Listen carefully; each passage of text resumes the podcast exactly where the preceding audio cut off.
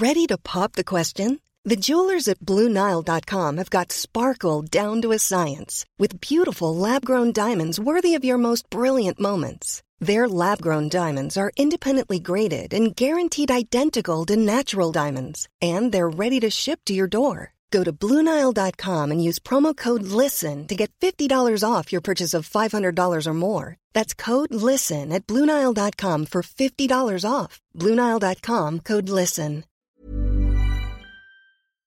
Hej och välkomna till Mardrömmarnas podd. Detta är det första av våra sommaravsnitt och därför kommer jag och Julia ha vartannat avsnitt var. Så idag inleder jag dessa sex avsnitt med ämnet extrema experiment. Men innan jag börjar så vill jag påminna er om att följa oss på vår Instagram där vi heter Mardrömmarnas podd och på Facebook där vi heter Mardrömmarnas podd för att få uppdateringar kring kommande avsnitt. Och Jag vill även tillägga att känsliga lyssnare varnas då de experimenten jag kommer prata om är väldigt grova. Men nu kör vi igång.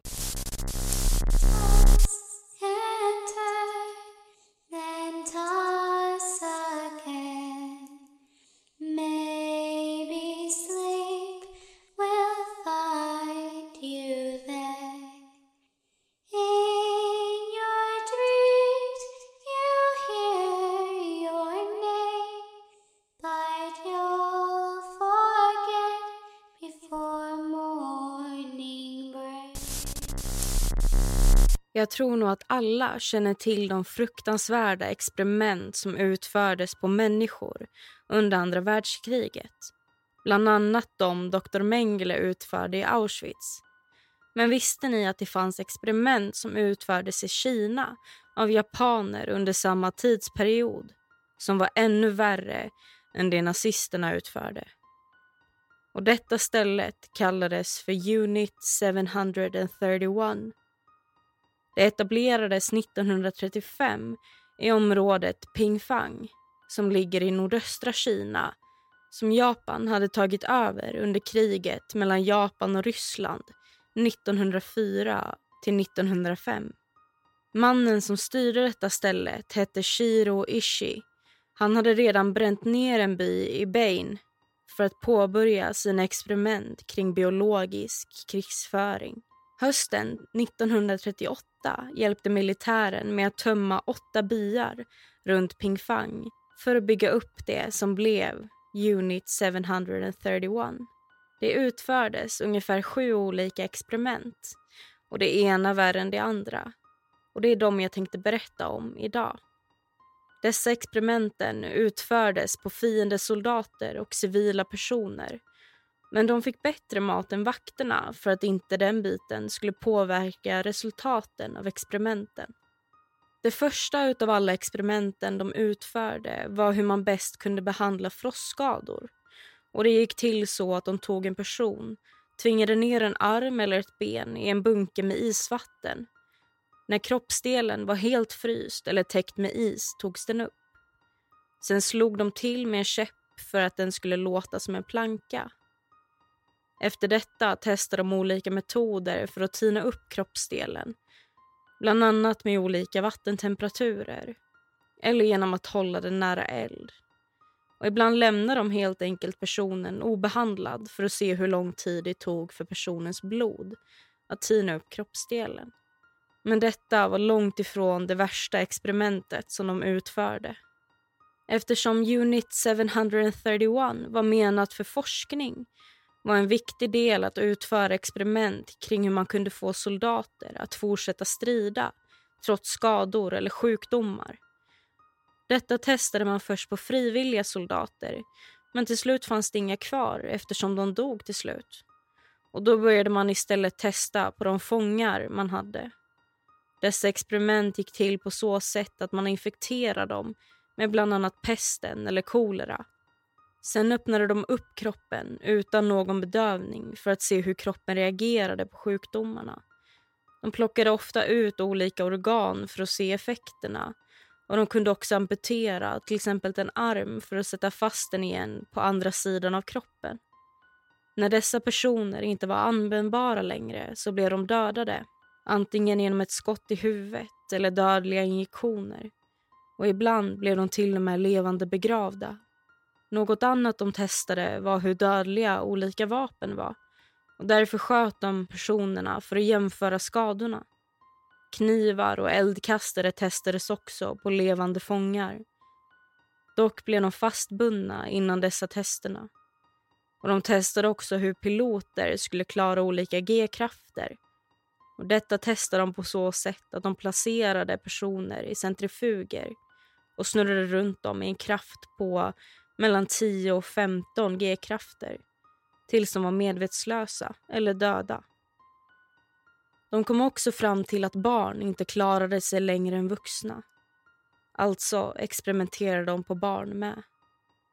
De smittade män med syfilis för att sen låta dem gå obehandlade så att de kunde bevaka hur länge de överlevde och vad som hände med dem. Och för att föra smittan vidare tvingade de dessa männen att våldta kvinnor.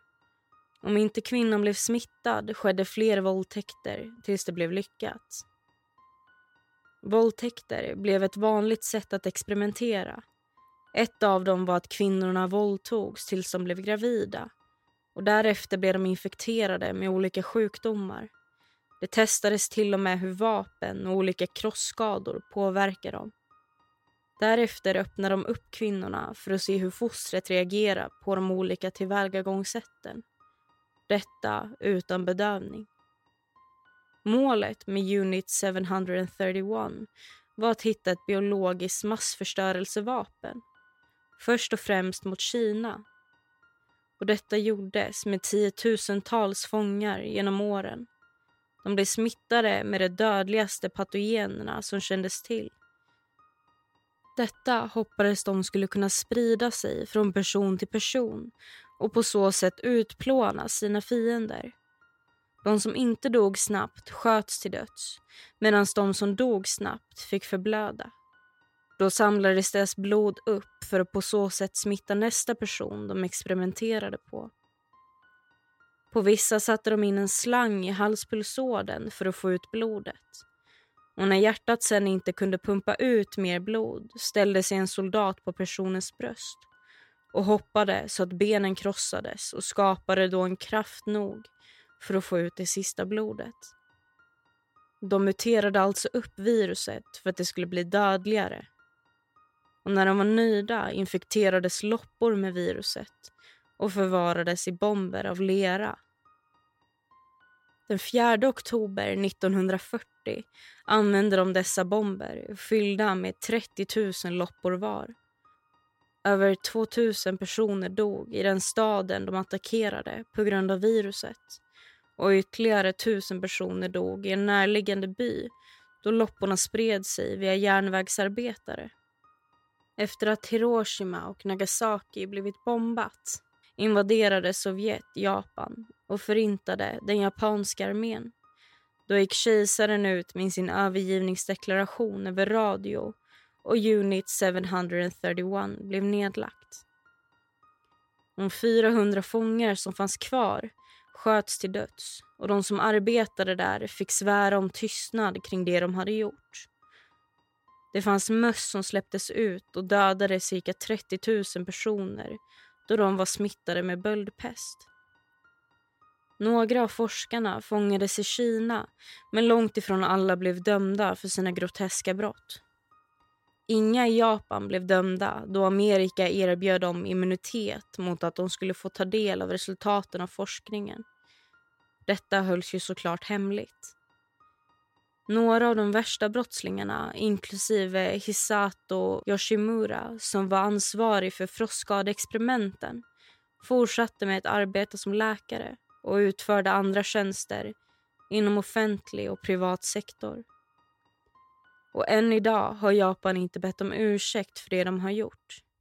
Och Kina har inte förlåtit.